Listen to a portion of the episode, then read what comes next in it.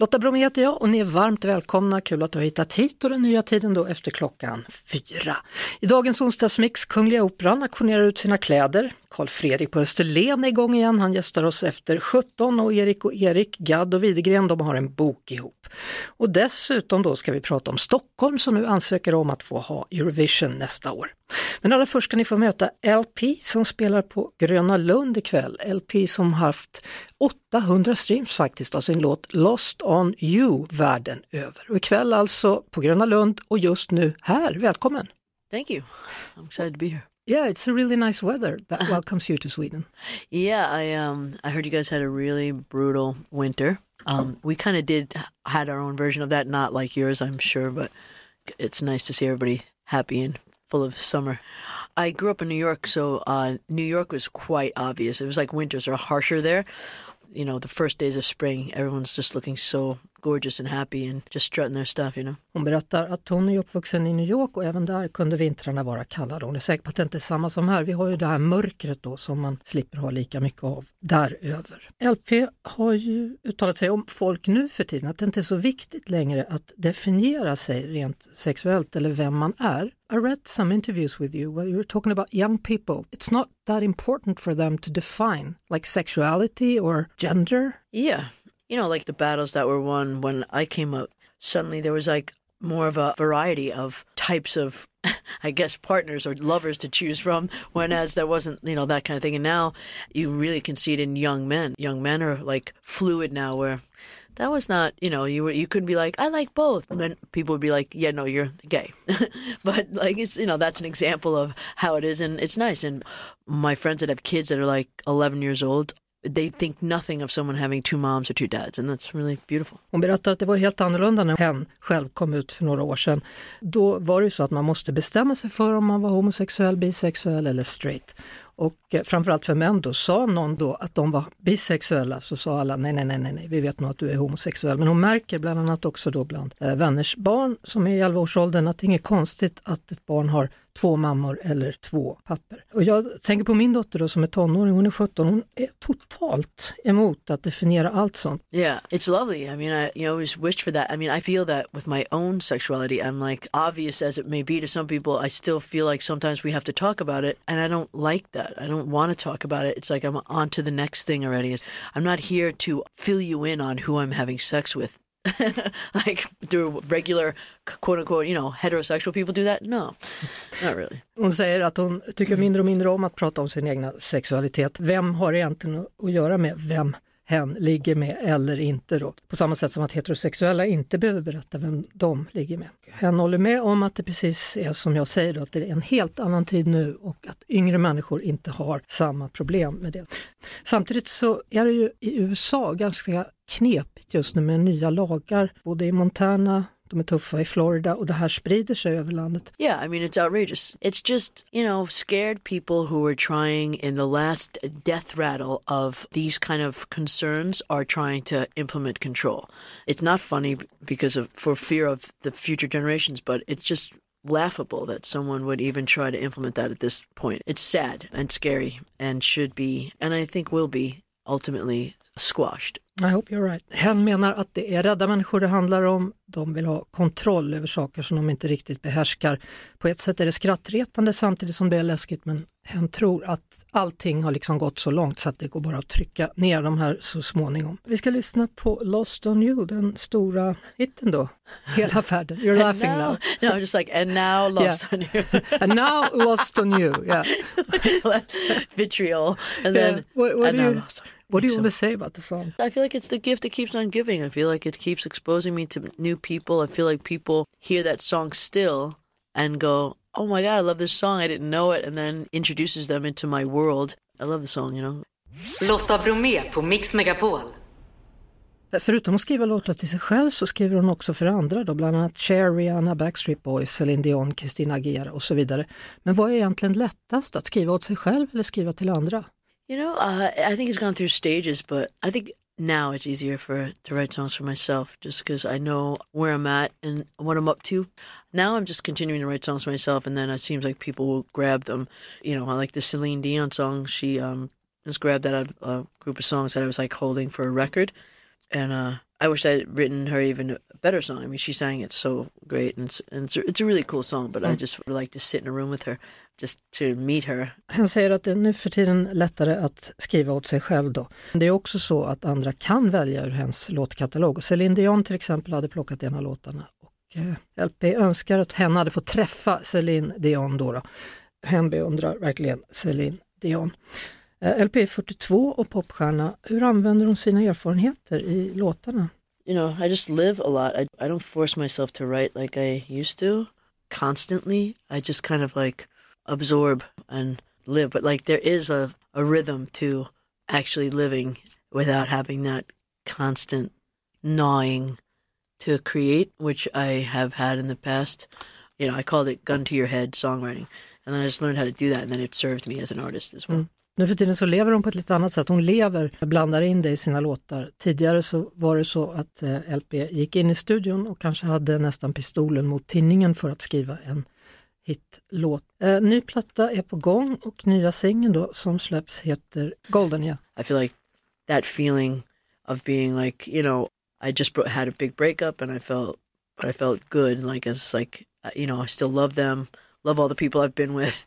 You know, just like taking experience and saying it's we're not broken, we're we're golden. Like all those experiences serve me in some other way to become a better person. Jag berättar att eh, Golden då är en låt som kom till lite under pandemin när hon började skriva låtar med några nya människor. Men det handlar också om tidigare förhållanden. Hon hade precis kommit ur ett förhållande men som LP säger då, hon ser tillbaka på alla dessa förhållanden och vet då att det är inte bara brustna saker utan alla är ändå gyllene och minns och är vän med dem LP har varit tillsammans med tidigare. Thank you very much for Yeah. coming here. Thank you LP. so much for having me. A lot. Lotta Bromé på Mix Megapol. Kul att du har hittat hit. Nu ska vi prata Eurovision och det ska vi göra med vår expert Ronny Larsson som i nuläget befinner sig i Göteborg. Hallå Ronny! Hallå Lotta!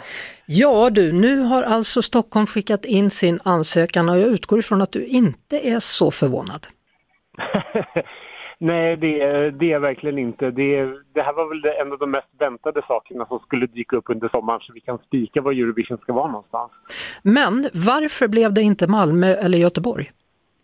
Ehm, hmm, jag tror av två ganska enkla anledningar. Ehm, jag tror att Malmö har en ganska liten arena, det var ju där 2013. Och i takt med att Eurovision växer och framförallt scenen växer så finns det inte så mycket plats kvar när man bygger ut tungor och puckar ute där livepubliken står. Eh, så då tror jag Malmö föll bort på det sättet. Också Göteborg har ju ingen arena. De har ju gamla Skandinavium och den ska ju byggas om och den tål helt enkelt inte utrustningen som Eurovision kräver. Sen var det väl också så att när Eurovision hölls i Malmö då var det många som valde att istället bo på Köp i Köpenhamn så att de här intäkterna som kommunen hoppades på kanske inte kom in. Nej, precis. Det är också en, en jättestor bidragande sak att jättemånga kommer till, kommer till Eurovision men intäkterna hamnar i Danmark och det vill ju inte Sverige. Nej. såklart. Då får vi se då, för att det är en ganska kärv ansökan om man säger så, eller? jo, verkligen. Det trycks ju väldigt mycket på, på ett mi- miljötänk och att det är ekonomiska kärva tider. Vilket jag tycker är bra dock, men den, den är i kärvaste laget skulle jag väl ändå säga. Det finns inte någon liksom, riktig entusiasm i ansökan. Men, men jag tycker ändå att det är bra att man tänker på det sättet. Jag tror att 2013 också vände lite grann den här extrema trenden efter Azerbajdzjan då allting skulle vara så stort som möjligt och man vräkte bort folk och man byggde upp en ny arena. Och det fanns liksom ett hållbarhetstänk redan där. Mm. Och det har, det har ju hängt kvar eh, se, sedan dess genom åren och färgat Eurovision som har ordnats i de olika länderna. Så jag hoppas Sverige kan vrida till det men behålla festen. Mm. Vi ska prata med finansborgarrådet eh, Karin Herngård som har skickat in den här ansökan om en stund och kolla hur det står till med glädjen. Eh, det enda som återstår att spekulera om då, då det är vilka ska leda tävlingen? ja, det, där är ju jätteknivigt faktiskt. Jag har faktiskt inget bra svar på det för att alla namn är på något sätt, är på något sätt testade. Och det handlar ju också om en matchning beroende på vem som ska producera det och skriva manuset. För det handlar om att den person som den väljer måste ju kunna leverera materialet på helt rätt sätt. Jag hoppas absolut att vi går tillbaka till en eller max två programledare. Vi behöver absolut inte fyra stycken. Är det aktuellt att Måns och Petra Mede kommer tillbaka? Kan vara, men jag är inte helt säker på om det är rätt, rätt väg att gå. Vill vi inte förnya Eurovision? 20, 20, år 2000 så förnyade vi hela utseendet på tävlingen väldigt mycket. Och det tycker jag att vi gjorde när Petra Mede stod ensam både 2013, eller 2013 som programledare och innehållet 2016. Så att jag, jag tycker att Sverige ska gå i täten och förnya och inte liksom se bakåt. Då tackar vi för det beskedet Ronny Larsson och har det så skönt i Göteborg då. Tack så jättemycket. Hej, Happy hej. Pride. Happy hej, Pride, hej.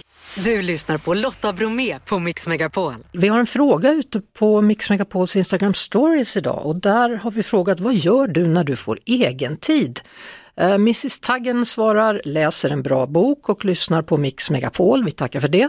Eh, Städar hemma i min lägenhet säger Vickan medan Lina Larsson säger solar eller sover ibland båda samtidigt. Låter i och för sig skönt. Pysslar och prockar lite i lägenheten säger Krasan 90, läser, kollar på serier och bakar säger Issa from LA. Någon jobbar som frivillig på Röda Korset, det är Storms Monica det. Medans eh, Edskar antingen läser en bok, lyssnar på musik eller kanske röjer i någon garderob. Ulla Lo, hon skriver, jag pysslar i trädgården, regnar det så syr jag och fixar i huset. Och apropå det där med att fixa i trädgården då, han kommer ju hit, mannen från Österlen. Det är han som är dagens gäst och han dyker upp efter klockan 17. Vem pratar jag om? Ja, jag pratar givetvis om Karl Fredrik. Vi pratade ju Eurovision förut med vår Eurovision-expert Ronny Larsson. Nu ska vi tala med hon som har skickat in ansökan, nämligen Karin Vangård som är finansborgarråd, Socialdemokraterna i Stockholm. Hallå där Karin! Hej! Hej du! Är det en stor dag idag känner du? Ja, men det är väl alltid trevligt att få eh, fatta beslut om att vi är intresserade att eh, arrangera Eurovision. Ja, jag läste ansökan då och ditt pressmeddelande. Den är lite kärv den här ansökan, kan man säga så? Nej, men alltså det man kan konstatera är ju så att vi lämnar ju en intresseanmälan till SVT och det är ju de som ska ta ställning till om de vill gå vidare och diskutera med Stockholm eller inte. Och det är klart att vi måste ordna, om det skulle, lotten skulle falla på Stockholm så måste vi ju göra det på ett ekonomiskt och klimatmässigt hållbart sätt. Ja, man kanske får tänka till där då. Du skriver bland annat då att i tider när det inte finns tillräckligt med pengar till skola och omsorg är det i grunden orimligt att tänka sig att Stockholms stad ensam kan bidra i samma ekonomiska utsträckning till Eurovision som man gjorde år 2016. Helt korrekt uppfattat. Det är ju så att eh, SVT gör ju själva tv-produktionen så att det är ju därför också eh, självklart SVT bestämmer vart det ska ligga. Eh, Men det är massa kringarrangemang. Det ska vara en eh, Eurovision, ja vad ska man säga, kringaktiviteter så att vi lyfter arrangemanget Mm. Och då ser vi ju gärna eh, diskussioner med regeringen, med om fler kommuner eh, vill vara med och bidra och eh, naturligtvis också Stockholmsregionen. Man kan ju tänka sig att i bästa fall så gynnas i alla fall besöksnäringen av detta evenemang. Helt riktigt och det är eh, en viktig del i Stockholms ansvar att säkerställa att det går bra för besöksnäringen och att Eurovision skulle innebära fler bokningar på hotell, eh, förhoppningsvis ännu fler restaurangbesök. Och det är viktigt för besöksnäringen och det är därför det också är värdefullt för Stockholm att lämna den här intresseanmälan. Mm. Och sen har ni också då poängterat att det måste präglas av hållbarhet och klimatmedvetenhet och att Eurovision också ska ge möjlighet att idrotten ska kunna verka under tiden som arrangemanget pågår. Helt korrekt. Det är ju så att vi är också en idrottsstad eh, och vi har eh, väldigt mycket viktig idrott, bland annat fotbollen, som måste kunna verka även vid ett arrangemang av Eurovision. Men du, det måste väl ändå kännas ganska kul ändå ifall det blir så att Eurovision kommer? Ja, men det vore fantastiskt och jag är jätteglad för att eh, Loreen tog hem Eurovision till Sverige och det är klart att jag har en stor förhoppning att Stockholm får vara med och arrangera. Mm. Dessutom är det 50 år sedan ABBA vann i Brighton också nästa år. Ja, men det råkar ju sammanfalla och det gör ju ännu större möjligheter att vi kan göra något riktigt stort eh, tillsammans med näringslivet så att eh, det går inte att missa att Eurovision sker i Stockholm. Härligt. Tack för samtalet Karin Vangård, finansborgarråd Socialdemokraterna och lycka till då med ansökan. Tack så mycket, jag ska göra mitt bästa. Hej! Hej! Du lyssnar på Lotta Bromé på Mix Megapol. Och äntligen så är han här. Jag har väntat Karl Fredrik Gustafsson. Välkommen hit! Tack, det har jag också jag, har gjort. Man kan säga att det, det var som 17. Ja, det var så Eller sjutton. som 1706 i alla fall. Ja, precis. Alltså, för grejen är ju att vi har försökt få till ett möte tidigare, men det har varit så mycket för dig att göra och det är det egentligen idag också, men du stannar och för kvar. dig också Ja. Lotta, eller hur? Ja, men när jag fick samtalet, ja men det är klart vi stannar kvar. Vi skulle egentligen vara halvvägs ner till Skåne nu. Det är ju ändå premiär ikväll för vårt eh, tv-program. Ja, så är det, både på TV4 och TV4 Play. Det är fjärde säsongen av Karl Fredrik på Österlen. Och så är du på väg hem nu då tillbaka till 1600-talsgården Eklaholm. Uh, ikväll Ja. i säsongstarten så Ja. kollar ni bland annat på vårtecken och citrusfrukter i Spanien bland annat. Ja, vårtecknen hemma i Sverige. Den här säsongen spelades in under förra året då. Mm. Och sen var vi, är vi nere i Spanien och på plantagerna, direkt hos odlarna och väljer de bästa växterna. Tänk att få välja ut de finaste knotiga olivträden, de roligaste citrusväxterna, kanske en citruskaviar. Vet ni vad det är? Det är alltså en vegetarisk kaviar. Den är helt underbar. Då delar man och trycker ut den så här. Den passar lika bra till eh, torsken som till ostronen eller varför inte precis som den är. Alltså citronen, är det bara jag eller har den gjort en stark comeback här? Ja, du menar just det här programmet eller generellt? Generellt? Ja, ja, gud säg förbarme. Du vet citronen, den är ju helig. Alltså den får vi inte, och inte bara på Amalfikusten i Positano, utan den är ju fantastisk. Ja, men det är en kulturbärare. Utan citronen, då hade vi varken haft limoncello eller citronkyckling med rosmarin, eller hur? Så att den gör en comeback som växt också, för jag förstår att det är det du tänker på. Ja, utan dina mediciner så hade vi inte fått dig heller, för du är allergisk mot blommor. Ja, det har ju varit en svår pollensäsong. Ja. Det tror jag många känner till. Va? Och um, allting, först var det en väldigt kall vår och så kom allting på en gång. Allting kommer på en gång. Och jag är allergisk mot både björkpollen och blommor och gräs och midsommarblomster. Och tidigt i morse var jag på Nyhetsmorgon och band kransar och då plockade jag ju lite midsommarblomster och hundkex och då svullnade ögonen upp. Ja, men du, alltså, varför? Du kunde inte motstå yrket, utgår jag ifrån, eller? Ja men det här, vill man vara fin får man lida pin och vill man jobba med det man älskar så kanske man får tåla lite. Ja, och dofta gott gör du också. Tack. Tack. Du plockar blommor här nere i rabatten innan du kom in också. Ja, ja, ja, just det, doftar gott. Jag hade lite parfym, jag tänker jag behöver en raggardusch här dags kanske. Eh, jo, jag har plockat blommor. Det är ju nämligen så här att nu är det dags att plantera sina sommarblommor. Det har många redan gjort. Sommarblommor är ju annueller, ettåriga växter. Plockar man då bort blomman, då sätter det in signaler till rotsystemet och hela systemet i växten att man ska producera knoppar, inte bara man utan blomman. ja. Så att om man plockar bort överblommande blommor, då kommer det hela tiden nya knoppar att bildas. Men för att de ska orka, då behövs det både vatten, kärlek och näring. Så är det, det är som ett förhållande. Ja, ja, vatten, kärlek och näring. Med mig i studion här på Mix Megapol just nu är Karl Fredrik Gustafsson, Karl Fredrik på Österlen. Och jag sa ju det, alltså parallellt med programmet och allting så håller ni på och bygger ett hus.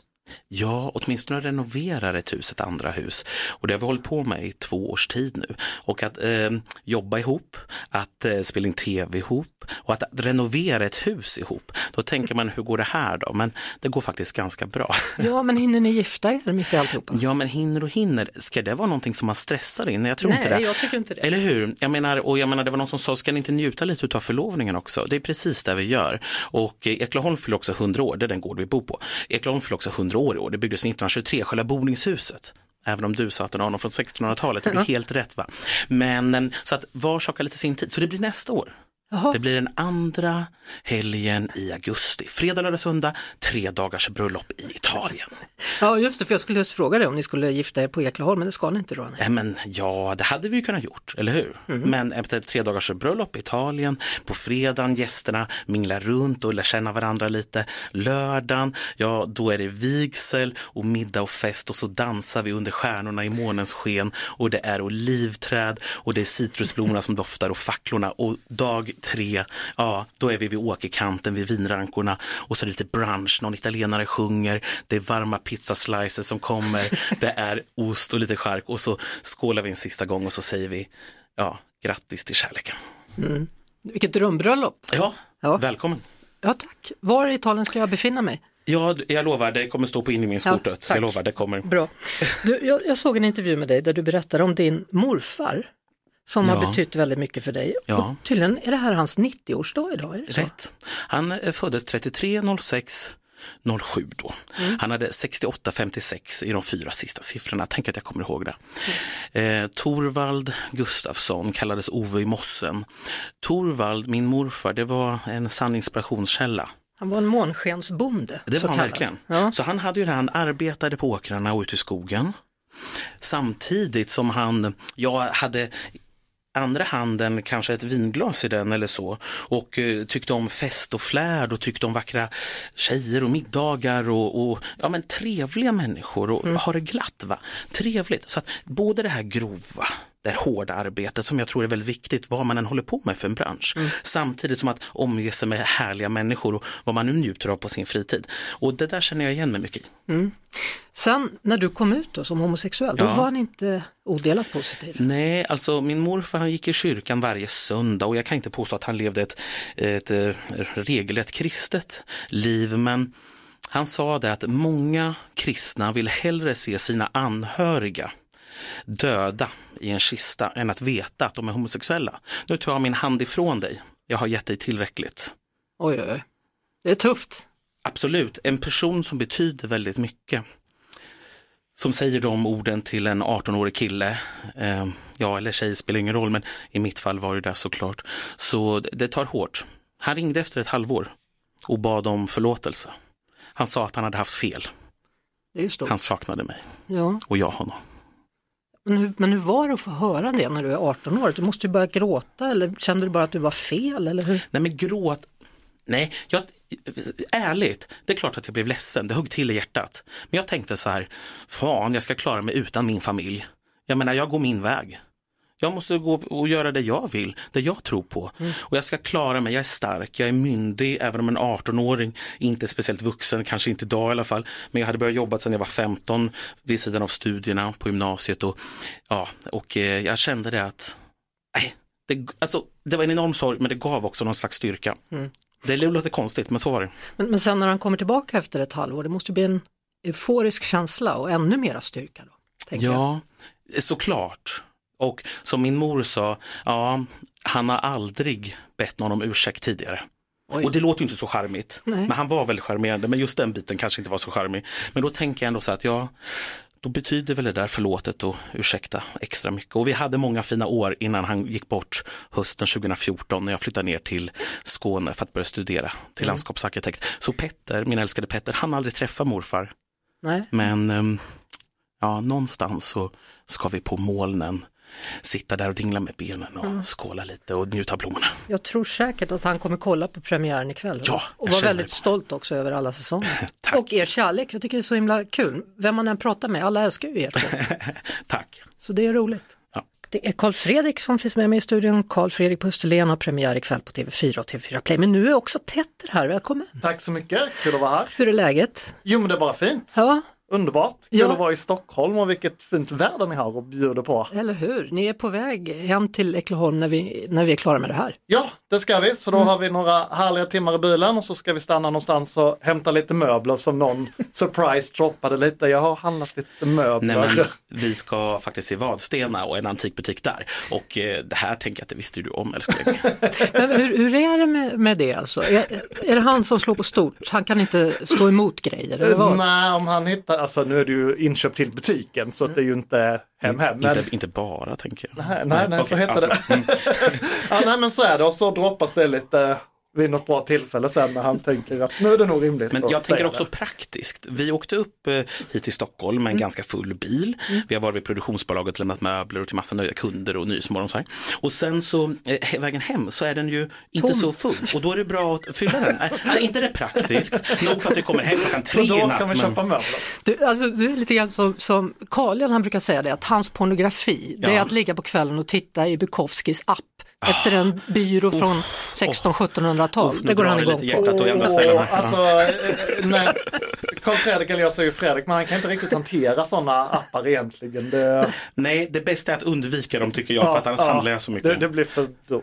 Jag ser möjligheter i det mesta, det är väl Ja. härligt, eller hur? Ja, absolut. Eh, kul i alla fall Peter att ni ska gifta er nästa år, fick jag reda på. Ja, Ja. fast det har jag planerat länge. Jag vet, men jag har inte frågat förut så nu Nej, fick jag reda på svaret. det var kul. Ja, och i Italien då. Och jag har bjudit in Lotta också. Ja, Tackar vi för. Eh, Vad ger vi bort till studenter detta år? Vi avslutar med lite tips. Jag tycker vi ger bort något återbrukat, något vintage, någonting som sparar både på miljön och klimatet och kanske till en lite lägre peng i dessa tider, eller hur? Mm. Så varför inte något praktiskt och också vackert? Serviser till exempel eller glas i vintage kostar nästan ingenting, men det är så mycket finare, bättre kristallhalt, håller bättre. Och alltså, varför ska man köpa nytt då när man kan få något ännu bättre till bättre pris. Och ibland eller? också vackrare. Ja, mycket vackrare många gånger. Absolut, eller gör man bara något roligt. Åker iväg någonstans och hittar på något ja. crazy. Ja. Ah, upplevelser. Upplevelser ja, bra. är ju vad, alltid trevligt. Vad ska man ha i sin midsommarkrans Peter? Vi börjar med dig. Um, oh, bra fråga. Jag gillar ju eh, gult och stort så jag tycker man ska ha lite solrosor. Det blir liksom jättestort men man kan ha små, det finns ju sådana som inte är superblaffiga. Mm. Vad ja, tycker du? Vad jag tycker? Ja. Jag tycker framförallt att man ska göra den krans som man själv vill ha. Är den stor, spretig, liten, tight? Vad vill du ha för någonting, eller hur? Och sen tänker jag generellt, den klassiskt vackra rosa rosor, jag vill ha något lite blålila i och vackert grönt. Det vill jag ha. Mm. Avslutningsvis, några andra viktiga tips då inför sommarodlingen? Jag tänker så här att inget Vasalopp utan blåbärssoppa och precis så är det med blommorna på balkongen, nylotten eller trädgården. De måste ha näring. Så näringsvattna oavsett om det är guldvatten, om det är blåkorn, hästgödsel eller eh, något annat. Va? Eh, så eh, höns till exempel, vad det jag skulle säga. Gödsla, ge dina blommor näring, vatten och kärlek och det här med att spara vatten. Tänk på att droppbevattning och fuktslang, det är mycket bättre på natten än att göra av med en massa vattenreserver. Mm. Stort tack hörni och kör nu så försiktigt då på väg ner. Vi lovar. Och kanske också Vadstena, det blir ju kul att se. Ja, vi, ja, får, vi får titta på vår serie på TV4 Play. Ja, ja men självklart. Ja. Glad sommar allihopa. Glad sommar. Glad sommar till er också. Tack så mycket för att ni kom, Karl Fredrik och Peter. Nästa vår så lämnar Kungliga Operan sina lokaler i Gäddviken i Nacka utanför Stockholm och flyttar till Flemingsberg. Och med anledning av detta då så säljs tusentals plagg och föremål från uppsättningar som inte kommer att spelas på scenen igen. Det kommer att gå fynda kostymer och rekvisita från bland annat Dracula, Glada änkan och Drömmen om Svansjön. Och den här utförsäljningen den startar imorgon. Välkommen hit Jeanette Stener, chef för kostym och maskavdelningen på Kungliga Operan. Hej! Tack så mycket. Ja, hur känns det här? Alltså, ni brukar ju ha utförsäljning ibland för att rensa, men då är det inte så här omfattande som denna gång. Vi brukar sälja ut ungefär vart fjärde år för att göra plats i förrådet för nya produktioner som vi tillverkar. Men nu är det ju extra stor. Vi kommer att sälja ungefär 6 000 kostymer har vi räknat ut att det är. Och det är ju lite så kill your darling. Vissa saker svider mer att sälja än annat. Sen är det ett ganska stort prisband på kläderna då. Det kan kosta allt ifrån 20 till 2000 kronor. Ja, till och med upp till 2 500 för en riktigt rokoko-ensemble, men då har man ju allt, kanske utom skor. Vilka tror ni kommer att fynda? Är det privatpersoner eller är det andra teatrar? Nej, men det kommer vara både och eh, av erfarenhet. Det kommer komma en hel del teatrar, små sällskap, människor som sångar och musicerar och också en hel del privatpersoner brukar det vara. Om du då tittar på de här kostymerna, finns det någonting som sticker ut extra mycket? Jag skulle säga att det finns i princip allt, men vi har ju ett gäng eh, från en föreställning som heter Kines som också finns ganska mycket på bild som är rokokokostymer som är dekorerade som bakelser. Det är som det är spritsad grädde, det är bär på dem, de är helt ljuvliga. Men sen har vi också ett gäng, eh, det finns några sjöjungfrustjärt hittar ett stort gäng morötter i mänsklig storlek. Morötter? Ja. ja. Härligt! Och sen då de här Dracula-kostymerna då? Det kanske finns en del svarta festkläder där som kan bäras ganska moderna eller klassiska? Det finns då en hel del svart men framförallt så finns det väldigt mycket ljusa gråvita spökkostymer som är rätt avancerade som kanske är något för halloween. Och sen har jag förstått att man kanske kan köpa sig någon unik stass och planera nyår samtidigt då, för ni ska väl ha stor nyårsfest i år va, på Kungliga Operan? Ja men det stämmer, det blir en stor eh, maskeradbal på nyårsafton som är i själva operahuset. Senast 1953 var det en sån stor maskeradbal. De flesta plaggen då, där kan man se vem som har burit dem? Ja men så är det, alla plagg som tillverkas har en liten lapp i sig där det står eh, vilken föreställning, vilket år och också vem som har haft dem. Och då kan det ju vara så att ett plagg kan ju ha burits av tre, fyra olika sångare eller dansare. Så att man kan se hela plaggets historia på de här lapparna. Så man kan, om man har tur, då kanske hitta något med till exempel Jussi Björlings namn i? Just Jussi tror jag inte att man kommer hitta, för det har vi sparat eh, i arkivet för framtiden. Men eh, det kan finnas andra intressanta namn. Så mycket plagg och väldigt mycket hattar också är det. Så om man nu vill komma och shoppa på den här utförsäljningen då, då tar man sig till Kungliga Operans lokaler i Gäddviken, Nacka utanför Stockholm och, och börjar köa. Start imorgon alltså klockan 15. Ja, och kör till 20. Samma sak fredag och sen är det öppet lördag, söndag också. Men då är det på dagen 10-15. Jeanette Sterner, TF, chef för kostym och maskavdelningen på Kungliga Operan. Tack för att du var med och berättade. Hej! Hej! Du lyssnar på Lotta Bromé på Mix Megapol. Varmt välkomna Erik och Erik med efternamnen Gadd och Videgård. Tack. Tack så mycket. Hur känns det när man har fått klart med boken man har jobbat på ett tag, Erik? Det är väldigt härligt med någonting som är greppbart. Ja, och nu får jag hålla i den här och den är oerhört vackert omslag som är gjort av en gammal platta kan man säga. En gammal vinylskiva, eller ny förmodligen. Och så är det mat på den och så är det en tonarm och sen är det Erik Gadd, Erik Videgård och mat och musik. Yes. Tio låtar, tio platser, tio menyer. Ja. Precis så. Hur har ni valt i allt detta? Det har börjat röra sig mer och mer kring det här med mat och musik överhuvudtaget, den här blandningen av sinnen. Och eh, på sista tiden tycker jag. Och sen när jag hade gjort eh, Mästerkocken där eh, så råkade jag nämna i sändning att jag skulle vilja ta ett tag på det liksom, och slå ihop det, kanske starta något ställe. Men ehm, tyckte att det var lite svårhanterat det där hur man egentligen ska få, få ihop det. Eh, men då ringde Erik mitt i det där och sa att ska vi inte ta ett tag på det här och så föreslog han det här med att vi kunde röra oss kring tio av mina låtar. När vi väl hade knäckt Koden. koden, hur, hur ska vi få det blir lite ostigt att prata om, ja men det var mycket bas i den här låten så då ska vi ha mycket Mycket fett eller, fett eller eller- ja, ostfond eller, Eller fond, eller- något sånt där. Ja. ja. Samtidigt är det ju så, Erik, att du har gjort hur många låtar som helst. Hur, hur har ni valt låtar? Är det Erik som har fått välja låtarna? Det var ganska mycket att jag gav det till dig. Ja. Ja, du fick Mm. Jag komma skrev med en shortlist där. Ja. Flera utav dem kom med och sen tror jag vi lade till någon. någon möjligen. Ja. där. Så om jag säger eh, Excuse me hallelujah, den med i boken, Erik. ja, den är med, ja, definitivt med. Och hur låter menyn för den då?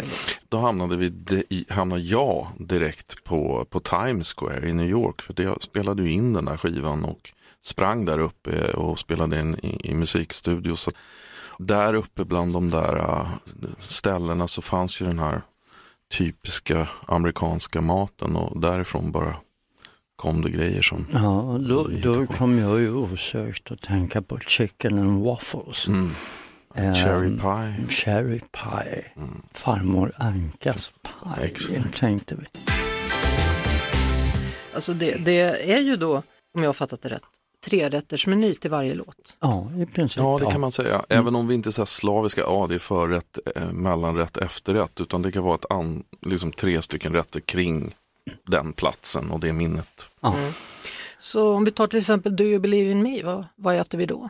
Just den låten spelade in en video till i, i Paris och hade en otrolig kväll och natt där med en anka inkluderad. Så ja, så, och eh, då blev det en anka. Ja, det blev en anka, fast anka à l'orange chinoise. Så att det, är- där är det faktiskt är lite. lite. Kina med. Ja, alltså den här tar- tatin med crème fraîche. Och du, Ingen den, lek, liksom. Nej du, Du. den blev bra. Oj, Du kan ju se där på följdbilderna Ja. hur, hur snabbt den försvann. Den försvann ja, det var testjuryn som var här, ser vi. Tre Ja. skedar, sen Ja, var det inget kvar. Fotografen där som slukade den. Ja, hur, hur duktig behöver man vara då för att kunna laga de rätterna ni har tagit fram här? Måste man vara lika duktig som du Erik, eller du Erik? Nej, man kan följa recepten väldigt bra tycker Ja. jag. Oh, ja. Eh, Recepten är, är skrivna både för den hemmamatlagaren som är van att använda matskedar och teskedar men även i gram för de som är lite mer professionella och vill skala upp och ner. Vissa rätter är lite mer avancerade, andra rätter är superenkla. mm. Mums. Man blir hungrig av det här. Ska ni gå och äta mat när ni är klara hos mig? Lunch. Lunch. Det kan. Stort tack för att ni kom hit, Erik. Gadd och Erik Videgård, alltså med boken Mat och musik. Tio låtar, tio platser, tio menyer. Du lyssnar på Lotta Bromé på Mix Megapol.